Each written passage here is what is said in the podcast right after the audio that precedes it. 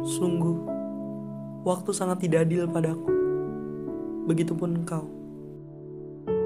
Memaksaku untuk pergi di saat aku sedang ingin melindungi. Memaksaku untuk menghapus rasa seketika aku telah begitu cinta. Sekarang apa kabar? Sudah makan? Ah, begitu banyak yang ingin kutanyakan padamu. Andai kau berada di sini bersamaku, aku ingin sekali memberitahumu tentang seberapa terlukanya aku di waktu itu.